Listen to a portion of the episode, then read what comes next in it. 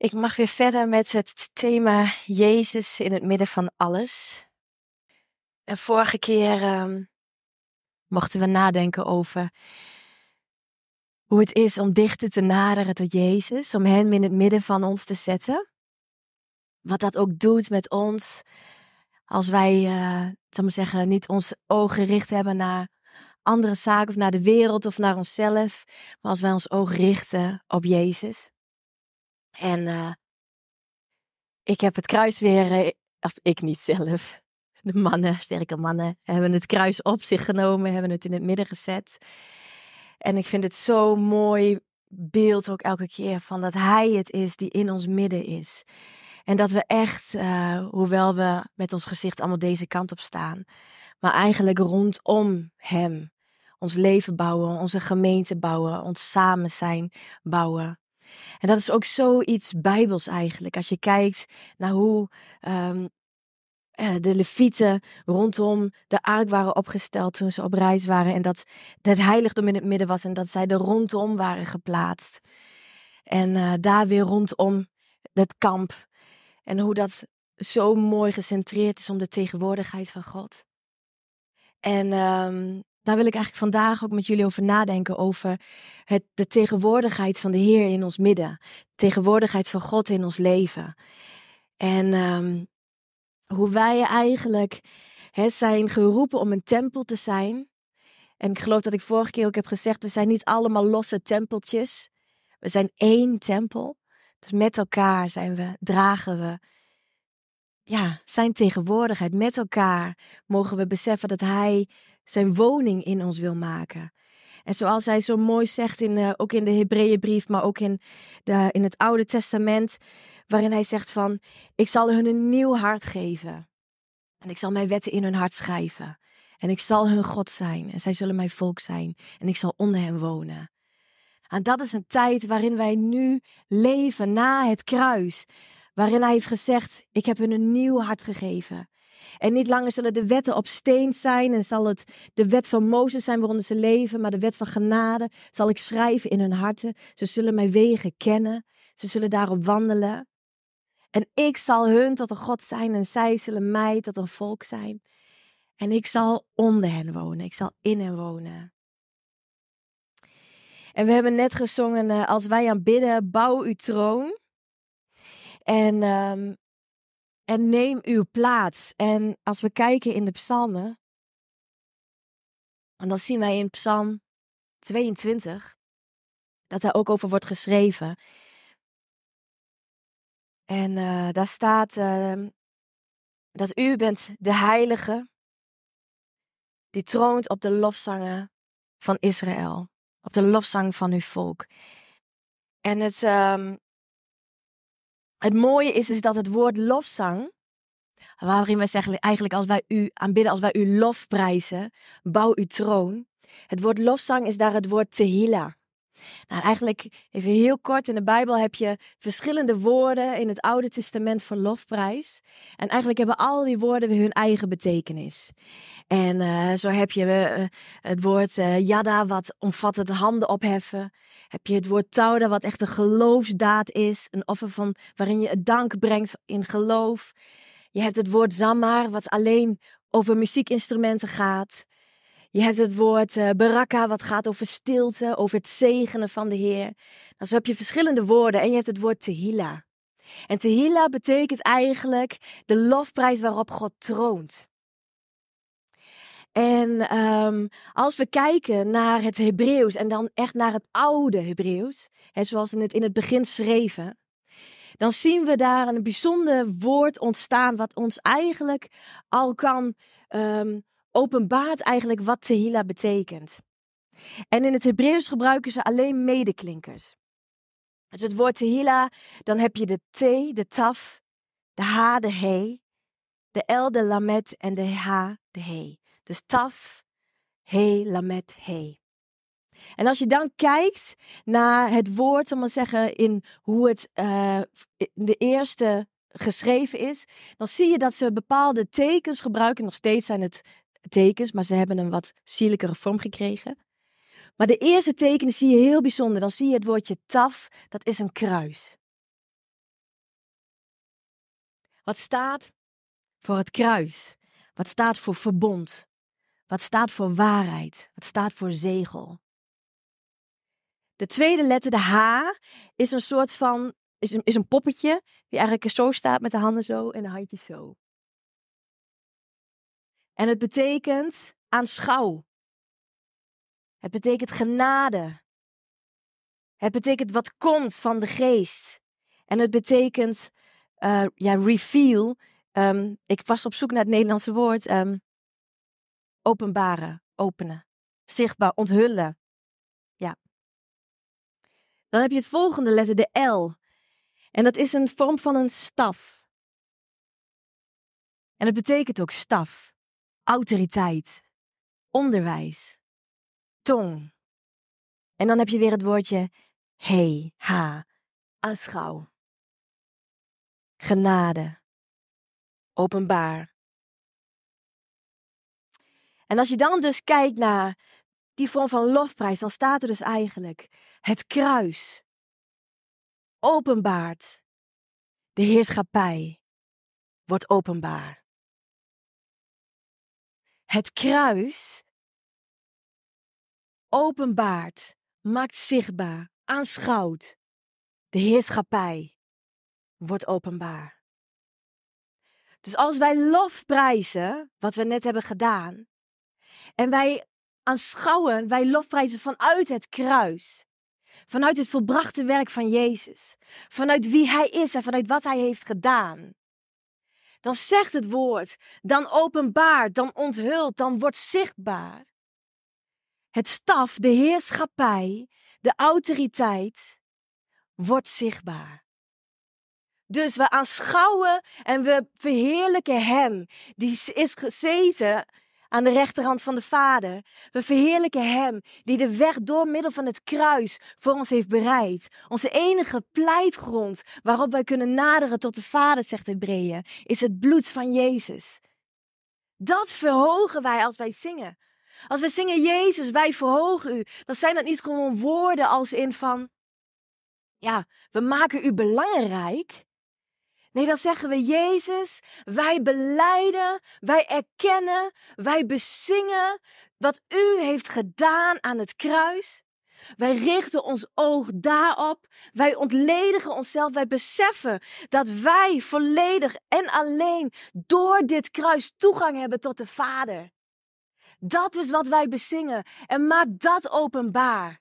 Zodat u kan komen en kan tronen. Uw heerschappij zichtbaar wordt in ons midden. Zodat dat openbaar wordt onder ons. Ik verlang er zo naar dat de heerlijkheid en de glorie van de Heer hier is. Waarom? Opdat zijn heerlijkheid, zijn majesteit, zijn staf zijn gerechtigheid zichtbaar wordt onder ons. Zijn heerschappij. En wanneer wij Hem aanbidden, dan verhogen wij Hem en dan komt Hij. En dan wordt Zijn heerschappij zichtbaar. En het staat ook in Psalm 50, de laatste vers staat: Wie lof offert, die eert mij en baant de weg dat ik Hem mijn heil doe zien. Dus wanneer wij Hem prijzen, Wanneer we Hem groot maken, opnieuw ook daar, het woord, het eerste woord is daar ook het kruis. Wanneer wij het kruis centraal zetten in ons midden en in onze lofprijs en in onze aanbidding en in dat wat wij doen, dan eren wij Hem. Dan zetten we eigenlijk alles recht. Wij, zetten, wij proclameren, dit is de nieuwe orde zoals het gevestigd is. Dit is de nieuwe heerschappij die gekomen is. Dit is het plan van de Vader. Dit is de zoon die openbaar is gemaakt door de Vader aan ons. En wij eren Hem. En dat baant een weg. Baant een weg hier in ons midden, in ons leven. Dat wij Zijn redding gaan zien. Zijn redding in ons leven, zijn redding om ons heen. Wow, hoe bijzonder is dat? Ik weet niet of dit tot jullie doordringt, jongens. Zal ik even wachten? Kun je er even op doorkouwen?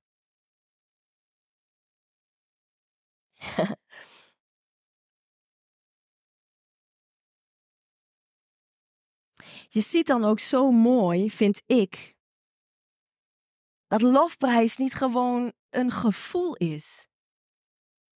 Nou ja, we zijn hier nu allemaal, we, zijn, we horen bij een evangelische gemeente, dus we zijn allemaal blije christenen die allemaal lof zingen. Lofprijs gaat zoveel dieper. Ten eerste gaat het om het kruis. Dat is per definitie al lijden. Ja, door die lijden heen zien we zijn opstanding. Dus onze lofprijs heeft ook niks te maken met of wij heel happy clappy zijn. Het heeft te maken met dat we zeggen: Heer, uw kruis, uw offer, uw Jezus, uw leven heeft de eerste positie in mijn leven. En daar ben ik u dankbaar voor. Want dat laat mij zien, dat ontledigt mij van mijzelf. Dat laat mij zien wat u voor mij heeft gedaan, voor ons heeft gedaan, voor deze wereld heeft gedaan. Uw grote redding. En dan komt er een dankbaarheid in ons leven die verder stijgt dan onze situaties. Dan gebeurt er wat er in Psalm 84 staat. Dat wanneer zij door een tranendal gaan, zij maken God tot hun bron. Over wie spreekt de Bijbel daar? Over zij die voortdurend zijn in zijn huis. Zij loven hem voortdurend. Het is helemaal niet waar ik over wilde preken, maar dit, uh, maar dit, ja, dit is zo, dit is zo'n, zo'n, zo'n diepe waarheid wat wij in ons leven met ons mee mogen dragen. Wat Hij in ons midden wil doen. Hey, een vorige keer heb ik uh, gezegd van, van hoe dichter wij tot Jezus naderen, hoe dichter wij komen bij elkaar. En um, toen dacht ik van, maar misschien dat je je afvraagt, maar hoe? Hoe nader ik dan dichter tot Hem? Hoe kan ik dan dat Zijn tegenwoordigheid meer plek krijgt in mijn leven? Hoe kan ik dan, als ik inderdaad zing, hoe kan ik dan dat, dat, dat Zijn leven, dat Zijn werk zo'n plek krijgt in mijn leven, dat het inderdaad niet anders kan dan uit mij te vloeien en dat het doorbreekt in mijn leven? En uh, ik denk dat wij een heel mooi voorbeeld daarin kunnen nemen aan een bijzondere vrouw, wiens daad opgeschreven staat in de hemel en ook hier in het woord. en we kunnen dat lezen in Lucas 7. En ik ga gewoon eventjes uh, dat stuk doorlezen vanaf vers 36 tot vers 50. Dus als je wil kan je het erbij pakken, maar het wordt ook geprojecteerd. En er staat: en een van de fariseeën vroeg of hij, dat is Jezus, bij hem kwam eten. En toen hij het huis van de fariseeën binnengegaan was, lag hij aan. En zie, een vrouw in de stad, die een zondares was, kwam te weten dat hij in het huis van de fariseeën aanlag. En zij bracht een albasten fles met zalf mee. En staande achter zijn voeten begon zij huilend zijn voeten nat te maken met tranen. En ze droogde ze af met het haar van haar hoofd, en zij kuste zijn voeten en zalfde ze met de zalf. Toen de fariseeën die hem uitgenodigd had dat zag, zei hij bij zichzelf: Deze man zou, als hij een profeet was, wel weten wie en wat voor vrouw het is die hem aanraakt, want zij is een zondares. Maar Jezus antwoordde en zei tegen hem: Simon, ik heb u iets te zeggen. Hij zei: Meester, zeg het. Jezus zei: Een zekere schuldeiser had twee schuldenaars. De een was 500 penningen schuldig en de ander 50. Toen zij niets hadden om te betalen, schold hij het hun beiden kwijt. Zeg dan: Wie van hen zal hem meer liefhebben? Simon antwoordde en zei: Ik denk dat hij het is aan wie het meeste is kwijtgescholden. Hij zei tegen hem: U hebt juist geoordeeld. En hij keerde zich om naar de vrouw en zei tegen Simon: Ziet u deze vrouw? Ik ben in uw huis gekomen.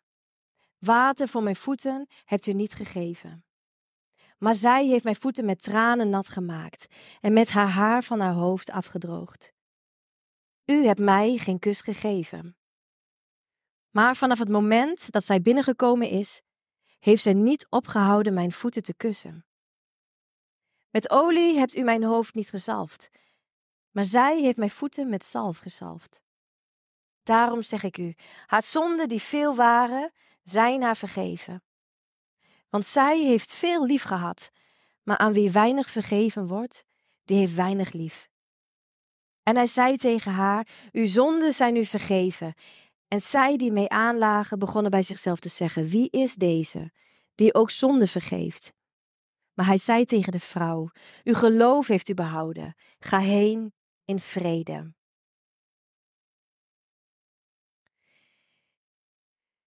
Deze vrouw, die de voeten van Jezus zalft.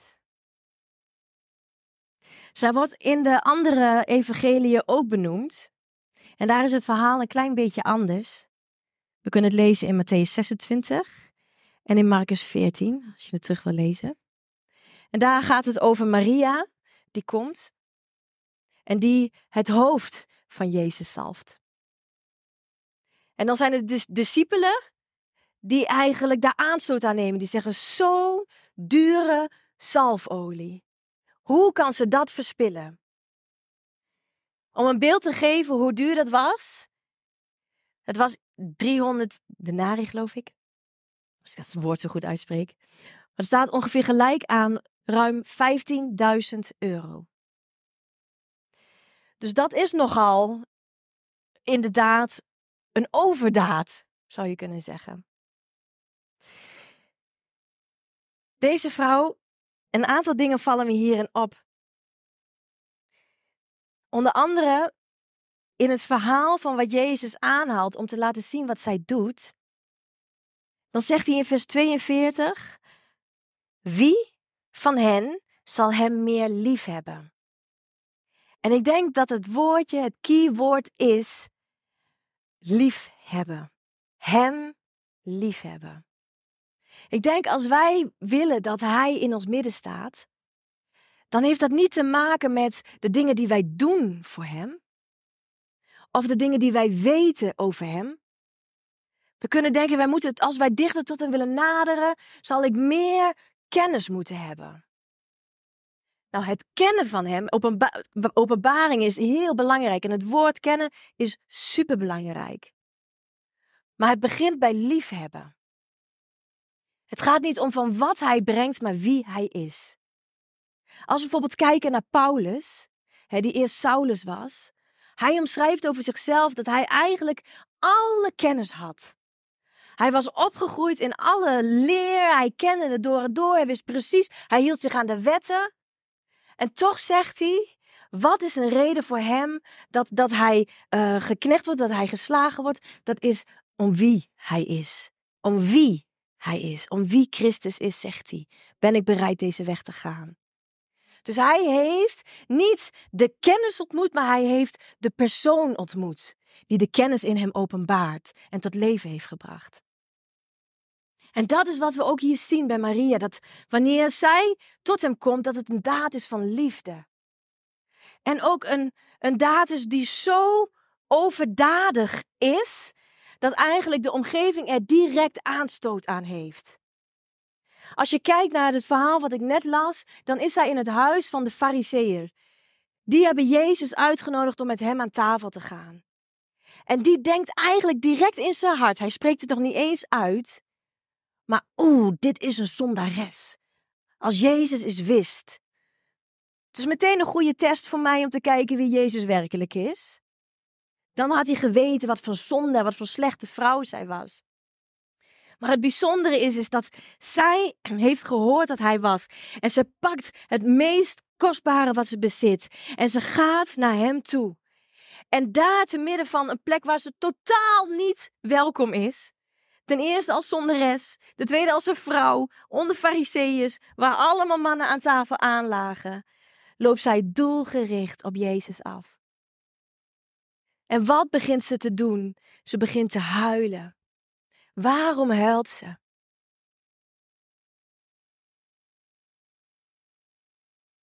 Ik geloof dat ze huilt om de gebrokenheid van haar eigen leven. Omdat ze weet met welke last zij loopt. Omdat ze weet wie ze is zonder hem. En omdat ze weet bij hem moet ik zijn. Hij is het leven. En ik denk ook, waarom haalt Jezus dat daarna aan? Omdat hij daarin ook zegt, van kijk eens hoeveel, hoe groot haar schuld was. En dat is het bijzondere, als wij naderen tot het kruis, dan worden wij, of naderen tot Jezus, dan worden we steeds bewuster aan de ene kant van zijn heiliging en van wat hij heeft gedaan en van de liefde die we voor hem hebben, maar tegelijkertijd ook van de schuld die we met ons meedroegen. En hoe dieper dat besef is, hoe dieper die liefde groeit voor wie hij is. En voor hem.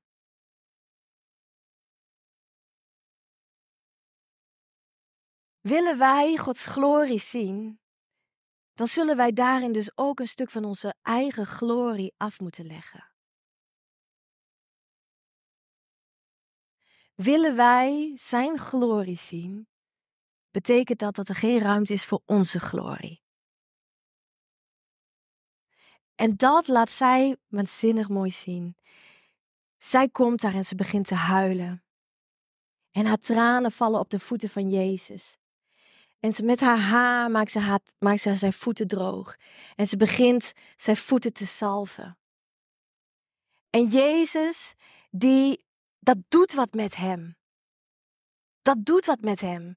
Zoveel dat hij ook direct begint te spreken wanneer daar een woord eigenlijk over komt. Hij legt de fariseeërs uit, maar de discipelen zegt hij ook meteen stop. Spreek niet zo over haar. Deze vrouw, wat zij hier doet, zal voor eeuwig klinken wanneer het evangelie verkondigd wordt. Moet je nagaan, deze vrouw heeft een soort van, van hemels monument gekregen in deze daad die ze, van aanbidding die ze deed. En dan zegt hij, ik ben in uw huis gekomen en water voor mijn voeten hebt u niet gegeven. dan moet je bedenken dat wanneer je iemand in die tijd uitnodigde, dat ze daar rondliepen op sandalen. Als je hè, sandalen had. Dus je voeten werden continu vies van het lopen daar. Vies van, de, van het zand, van het stof. Vies van de uitwerpselen van dieren waarmee je liep. Vies van, gewoon vies. Vieze voeten. Ja. En als je daar aan tafel aanlag, dan, dan zaten ze niet netjes op een stoel dat je, dat je voeten verborgen zijn. Dan zit je met je voeten in de neus van de ander, een beetje zo schuin. Het was dus belangrijk en ook een daad eigenlijk van respect en zorg. Dat je zorgde dat als je gast kwam, dat je zijn voeten waste. En dat werd gedaan eigenlijk door een slaaf. Omdat dat niet per se een heel smakelijk klusje was. Moet je nagaan als mensen van heel ver kwamen, wat ze allemaal op hun voeten meenamen. Wat voor viezigheid. Maar deze fariseeën, die zei, ik wil wel eten met de Heer aan tafel, besloot om hem geen eer te geven. Besloot hem zelfs niet waardig te achten dat een slaaf zijn voeten zou wassen. Dat is de situatie waarop Jezus daar aan lag waarin hij zegt: U heeft mijn voeten niet gewassen. Dat is dat wat hij daarmee zegt. En dan, dat raakt me, want dan denk ik, Heer, hoe vaak nodigen we u uit in ons midden, aan onze tafel, maar geven we u niet de eer die u verdient. De echte eer die u verdient. En Maria die begint te huilen. En ik kan me voorstellen dat de druppels tranen die op haar voeten, op zijn voeten vallen, een spoor maken van de viezigheid. En eh, als je een aanbidder bent en je merkt, de Heer is hier, maar in zijn midden wordt hij niet geëerd, dan, dan, dan kan het zijn dat je tranen nog harder gaan vloeien, zoals haar tranen nog harder gingen vloeien, om al die viezigheid van zijn voeten af te wassen. En dan ziet ze wat er gebeurt, maar zij heeft geen doek om zijn voeten te drogen, om zijn voeten schoon te maken, om dat wat er af is gespoeld weg te halen. Zij was daar, had daar geen positie. Zij kon niet even, even een doek pakken die, die, die, die, die klaar lag. Hoe zou ze het doen? En dan maakt ze haar haren los. En in hun cultuur was het gebruikelijk dat de vrouwen de haren vast had en met een doek vast had. Want het, vrouw, het haar is de eer van de vrouw, staat in 1 Korinthe. Maar wat doet zij? Zij besluit haar eer af te leggen. Ze neemt de bedekking af en ze maakt haar haren los. Zij vindt de Heer zo belangrijk. En ze wil hem zo diep eren dat ze zegt: Mijn eer, mijn glorie. Ik neem het af, ik laat het los. Ik leg het af. En daar te midden van alle mensen die toch een soort van zeggenspraak hadden en hem al lang volgden, maar dit niet hem zagen voor wie hij was in hun midden, knielt zij neer en droogt zij zijn voeten met haar eer. In Jesaja 64, vers, laten we kijken, vers 6. Daar staat: Al onze rechtvaardige daden zijn een bezoedeld kleed. En ik vind het zo'n mooi beeld dat wij, als wij komen, zal maar zeggen, tot Hem, dan leggen wij al onze rechtvaardige daden af. Al onze eer, al onze glorie, alles wat wij denken te bereiken voor Hem. Ook hier als we zijn met elkaar in ons midden. In Zijn aanwezigheid houdt het geen stand. Is alles een bezoedeld kleed. Maar wat mogen we ermee doen? We mogen het loslaten, we mogen het afdoen. En we mogen Zijn voeten drogen met onze eer. Te zeggen, Heer, het gaat niet om onze eer, het gaat om uw eer. Het gaat niet om mijn ontzag voor mij, het gaat om ontzag voor u. Het gaat niet om de glorie die ik draag, het gaat om de glorie die u draagt. En dan zalft ze zijn voeten. En ze kust zijn voeten. En het mooie is, is dat aanbidding betekent ook het kussen van de voeten. Het plat liggen op je aangezicht. Het, het, het likken van de hand als een hond. Dat is letterlijk een van de vertalingen. Het laat een zo'n diepe, diepe trouw en liefde zien die er is voor hem. Ik denk als wij verlangen naar om zijn tegenwoordigheid en zijn heerschappij in ons midden te zien. En we zeggen, Heer, we willen u in het midden zetten van onze gemeente en in het midden van ons leven. Dan mogen we beseffen dat we daarin zeggen van Heer, daarmee leggen we dus onze eigen glorie af. En dan willen we dat het niet gaat om de zalving die u brengt, of om de blessing, de zegen die u brengt, maar dan gaat het om u die de gezalfde bent. Dan gaat het niet om wat uw tegenwoordigheid uitwerkt in ons midden, dat dat ons een, een fijne kick geeft of, of, of weet ik veel wat. Hey, het gaat om dat u het bent. Want de tegenwoordigheid komt niet zonder hem. Hij is de tegenwoordigheid. Zeggen, als hij er is, dan is zijn tegenwoordigheid er. Dus we moeten niet zoeken naar, naar uitwerkingen van, of naar zegeningen van, of nee, we moeten zoeken naar hem. Het ons ten doel stellen dat wij Hem lief hebben boven alles. En dat we inderdaad bereid zijn te zeggen: Oh ja, ik leg mijn glorie en mijn eer af. U mag alles in mij ontledigen. Want ik verlang ernaar om U te kussen. Om zo dicht bij U te zijn. En het bijzondere mooie vind ik dan, je ziet bij mensen die zo'n leven leiden, dat zij beginnen te ruiken naar Jezus. Dat de tegenwoordigheid van de Heer op hun leven is.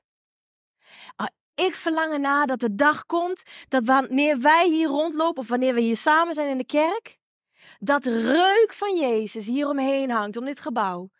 En dat de mensen die hier elke keer zo langs lopen met een hondje of weet ik wat, echt denk, wat is dat? En gewoon getrokken worden. Getrokken worden. Of dat als wij langslopen, dat de schaduw van de tegenwoordigheid van de Heer zijn koninkrijk doet vestigen en demonen op de vlucht gaan. Of mensen worden genezen. En daar hebben we geen trainingen voor nodig van hoe leggen we op een juiste manier mensen de handen op of hoe spreken we de juiste woorden. Hoewel dat natuurlijk goed is om kennis op te doen, begrijp me niet verkeerd. Maar het is de tegenwoordigheid van de Heer die het doet, die het verandert. Het was de ark van de Heer die maakte dat er overwinning was in het Oude Testament. Hè? Waar de ark van de Heer was, daar was het. En hoe droegen de priesters de ark? Op hun schouders. Op hun schouders. En hoe mogen wij, die nu priesters en koningen zijn, de tegenwoordigheid van de Heer dragen? Door het hout op onze schouders te nemen. Door te zeggen, Heer, uw kruis, uw leven. Ik leg mijzelf af, ik draag u. U alleen, u mag verheerlijkt worden.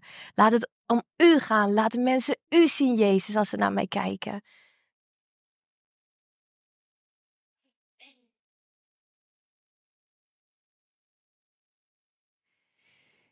Ja. En Jezus, hij houdt daarvan. Het maakt, het, doet, het, het, het raakt hem, het laat hem niet onberoerd. Wanneer wij op deze manier tot hem komen. En het mooie is, is dat, ja, zoals ik al wel vaker zeg, weet je, de Heer is het die ons willen en ons werken bewerkt. Dus als we denken, ja, maar hoe dan? Hoe dan? Hoe dan? Hoe dan? Hoe dan? Dan denk ik, ga gewoon in op de uitnodiging. Oké, ik wil u meer lief hebben. Doe het met uw geest in mij. Oké, Heer, ik wil een diepere honger hebben naar u. Doe het met uw geest in mij. Ja, Heer, ik wil leren inderdaad mijn eer en mijn glorie achter me te laten. Doe het met uw geest in mij. Want wanneer wij denken dat wij dat zelf kunnen bewerken, dan zijn we eigenlijk als het bezoedelde kleed. Onze werken zijn niet rechtvaardig. Er is maar één weg en er is maar één pleitgrond tot de troon van de genade. En dat is door Jezus, dat is door zijn lichaam. Dat is door wat Hij heeft gedaan. En daarom is het zo goed te beseffen, elke keer opnieuw: oh ja, voel ik weerstand in mij? Heere Jezus, U doet het in mij. Oh ja, voel ik twijfel in mij? Heere Jezus, U doet het in mij. Voel ik de vijand die probeert te trekken en mijn aandacht probeert af te trekken? Oh ja, Jezus, U doet het in mij. Het is Uw werk. U bent het. U staat in het midden. Ik heb U gewoon simpelweg lief. En dat Jezus daarvan houdt. Ik ga dat toch eventjes aanhalen. En dan uh, is dat het laatste deel. Maar in Johannes 20 zien we het verhaal van Maria bij het graf. En er zijn meningen over verdeeld of het dezelfde Maria is. Of dat het een andere Maria is. Maar in ieder geval zien we de eerste, zien we Maria die haar, haar kruik breekt bij de voeten dan zien we Maria die de kruik breekt en het hoofd zalft. Het zal mij niet verbazen als dat twee echt verschillende verhalen zijn.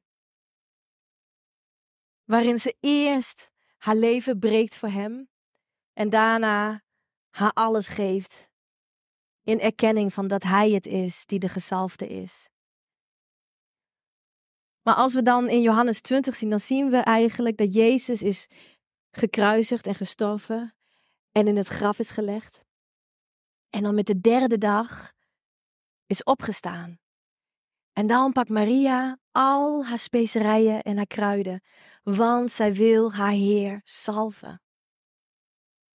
Hoe diep kan je aanbidding en je liefde zijn, dat je zelfs tot in de dood, dat wanneer je dromen al gestorven zijn, dat wanneer alles om je heen dood lijkt, je toch zegt: ook dan stort ik mijn liefde uit over u. En zij komt daar en ze vindt hem niet. En de discipelen kijken ook, die, die, die had ze opgehaald, die, die kijken en die, die zien hem ook niet en die rennen terug. Maar zij blijft daar even en ze huilt. En ze huilt. En dan Jezus. Hij verschijnt aan haar. En heel lang heb ik niet begrepen wat, waarom hij tegen haar zegt: raak me niet aan. Want ik ben nog niet verheerd, ik ben nog niet naar de vader gegaan. Toen dacht ik later, dan laat hij wel zijn handen zien en voelen aan Thomas, die mag hem wel aanraken. Wat was het? Wat, ik snap het niet. Totdat ik uh, de uitleg daarover kreeg. Dat Jezus eigenlijk, hij zegt het ook, ik ben nog niet naar de Vader gegaan. Hij is nog niet als hoge priester het heiligdom ingegaan. En toch stopt hij daar. Hij zit nog middenin zijn verlossingswerk voor ons. En toch stopt hij omdat hij Maria hoort huilen. Deze vrouw, die zo zijn hart heeft gepakt, die zo zij hem lief heeft gehad, die hoort hij huilen. En misschien ruikt hij ook wel dat wat zij mee heeft gebracht. En ze is er weer.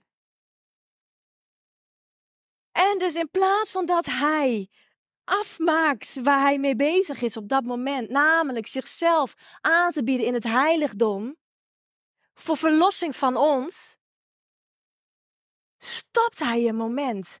En daarmee zet hij als het ware alles op het spel om alles nog een keer opnieuw te moeten doen.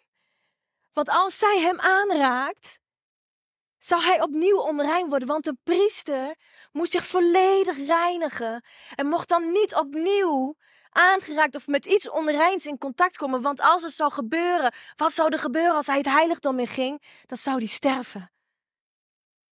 Dan zou die priester sterven. En Jezus die daar volledig geheiligd is, de dood kon hem niet vasthouden.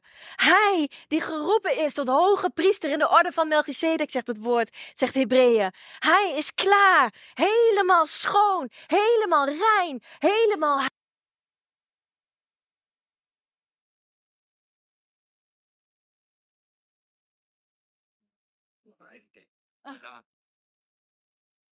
Het helpt. Het is een cliffhanger.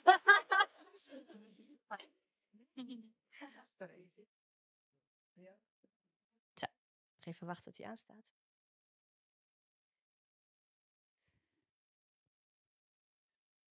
Ja?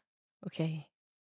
Hij staat daar en hij is dus helemaal klaar, helemaal heilig, helemaal als hoge priester ready om daar het offer te brengen en in de tegenwoordigheid te komen van de Almachtige. En daar hoort hij haar huilen. En ik, dat, dat laat zoveel zien voor de liefde en bewogenheid die Jezus heeft. Voor ja, ons als wij ons leven zo aan hem hebben gegeven. Voor haar. En dan zegt hij, waarom huil je? Dus hij begint haar te troosten. Wat bijzonder. Wat bijzonder. En ik, ja, mensen die op die manier gewoon hun leven in aanbidding aan Hem durven te geven. Wat ik al zei, die dragen echt wat met zich mee. En mensen die durven te gaan tot daar wat al gestorven is. Ja, die ontmoeten de Heer op hun, in, hun, in zijn heerlijkheid en in zijn glorie. En dat gun ik ons allemaal. Vorige week, ik, ik ken een paar van die mensen. Ik ken een paar van die mensen waarvan ik denk, hoe? Dat als ik bij hun ben, dan kan ik alleen maar gewoon, ja, nog meer vol liefde van Jezus raken. En ja, vorige week uh, zat ik uh, naast, uh, naast zo'n vrouw. Zo'n vrouw die het graf in is gegaan. En daar Jezus wilde salven. Een vrouw die, met wie ik samen, met wie wij samen vorige week een kindje naar het graf hebben gebracht. En die daar hem aanbidt, continu, naar alle woorden. Vol liefde spreekt over Jezus. Vol liefde spreekt alleen over Jezus. En ze zegt, ik weet het niet. Oh, ze zegt, mijn hart is verscheurd En toch bloed ik alleen maar liefde. Bloed ik alleen maar Jezus. En ik denk dat mensen die dat met zich meedragen, wanneer zij hun voet ergens neerzetten, dan kan het niet anders dan dat zijn heerschappij komt. Weet je, ik moet denken aan het verhaal in um, Marcus 5. Daar uh, gaat Jezus, uh, gaat het meer over en dan komt hij aan. En dan uh, in Gardenen, geloof ik. En daar komt er een man hem tegemoet die, die gebonden is door, door, door vele duizenden demonen. Legioen noemt hij zichzelf. En die man die, die, die, die, die, die, die doet zichzelf pijn, die verwondt zichzelf, die, die, die, die ontkleedt zichzelf, die gaat naakt rond. Hij heeft eigenlijk geen autoriteit en gezag meer over zijn leven. Hij wordt helemaal gecontroleerd door die demonen. Maar als Jezus dan voet op bodem zet, als zijn tegenwoordigheid daar is, dan rent die man naar Jezus af en aanbidt hem. Dan heeft geen enkele demon meer macht om te beslissen wat die man doet.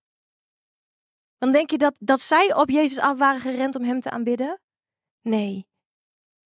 Weet je, ik geloof echt dat, dat wanneer zijn tegenwoordigheid in ons midden is en hij voet in ons leven zet, voet in onze gemeente zet, voet in onze stad zet, dat er geen macht in hel de mensen tegen kan houden om te komen en hem te aanbidden. Ook niet in ons eigen leven. En dat we echt daarin mogen beslissen, Heer, oké, ik leg mijn glorie af om uw glorie te laten zien. Doe het maar. Het gaat niet om wat ik van u kan ontvangen. Het gaat niet om hoe fijn we het hier hebben met elkaar. Hoewel het heerlijk is, vooral in het bijzonder als u er bent. Want het gaat om u. Het gaat om u in ons midden. Mag ik jullie uitnodigen, jongens?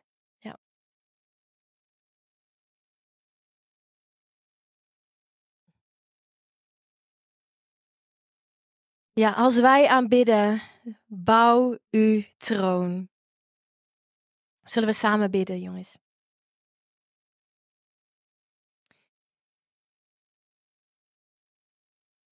Ja, Heer Jezus, ik verlang er zo naar, Heer, om ja, mijn kruik te breken. Niet eenmaal, maar elke keer weer opnieuw. In elke verschillende situatie.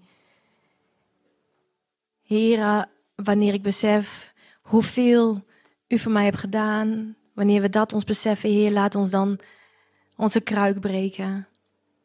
Heer, wanneer we beseffen wie u bent, de grote koning, de verheerlijkte Heer, degene die voor ons is gegaan, die de weg heeft bereid, laat ons onze kruik breken en u daarmee salven.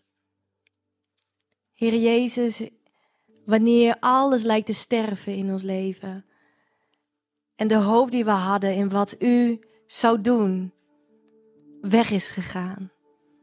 Heer, laat ons dan komen met zalfolie om u te zalven. En dan dank ik u zo, Heer, dat u dat niet onberoerd laat, maar dat u in ons midden bent. Dat u troont op onze lofzangen dat u troont, Heren, dat u uw koninkrijk en uw heerschappij zichtbaar wil maken in ons leven. Heer, en ik bid zo, Heer, dat we een gemeente ja, meer en meer zullen worden en zullen zijn, waarin uw tegenwoordigheid zo aanwezig is. Heren, dat mensen hier naar binnen zullen komen rennen en zullen neervallen voor u, zonder dat we nog maar iets hoeven te zeggen. Heer, omdat u hier bent. Heren, dat mensen ons voorbij lopen. En heren, u zullen ruiken en zullen vragen, wat is die verlossing? Of heer, dat mensen die gebonden zijn, heren, naar u toe kunnen rennen om u te aanbidden. Heer, zodat u ze vrij kan zetten. Heer, ik dank u wel. Heer, en ik bid zo voor een ieder in deze gemeente die zo verlangt om dichter bij u te komen, maar niet weet hoe. Of waarin er gewoon lijden of verdriet is. Ik dank u voor uw Heilige Geest. Ik dank u dat u in ons woont. Ik dank u dat u onze kracht bent. Ik dank u, Heer, dat u precies weet hoe de Vader en de Zoon aanbeden moeten worden. Ik dank u dat u onze woorden geeft. Ik dank u dat u ons een nieuw zicht geeft op wat u heeft gedaan, Jezus. Here, bewerk het in ons hart. Kom ons tegemoet. Wek ons meer en meer op door de kracht van uw geest. Dank u, Jezus. Amen.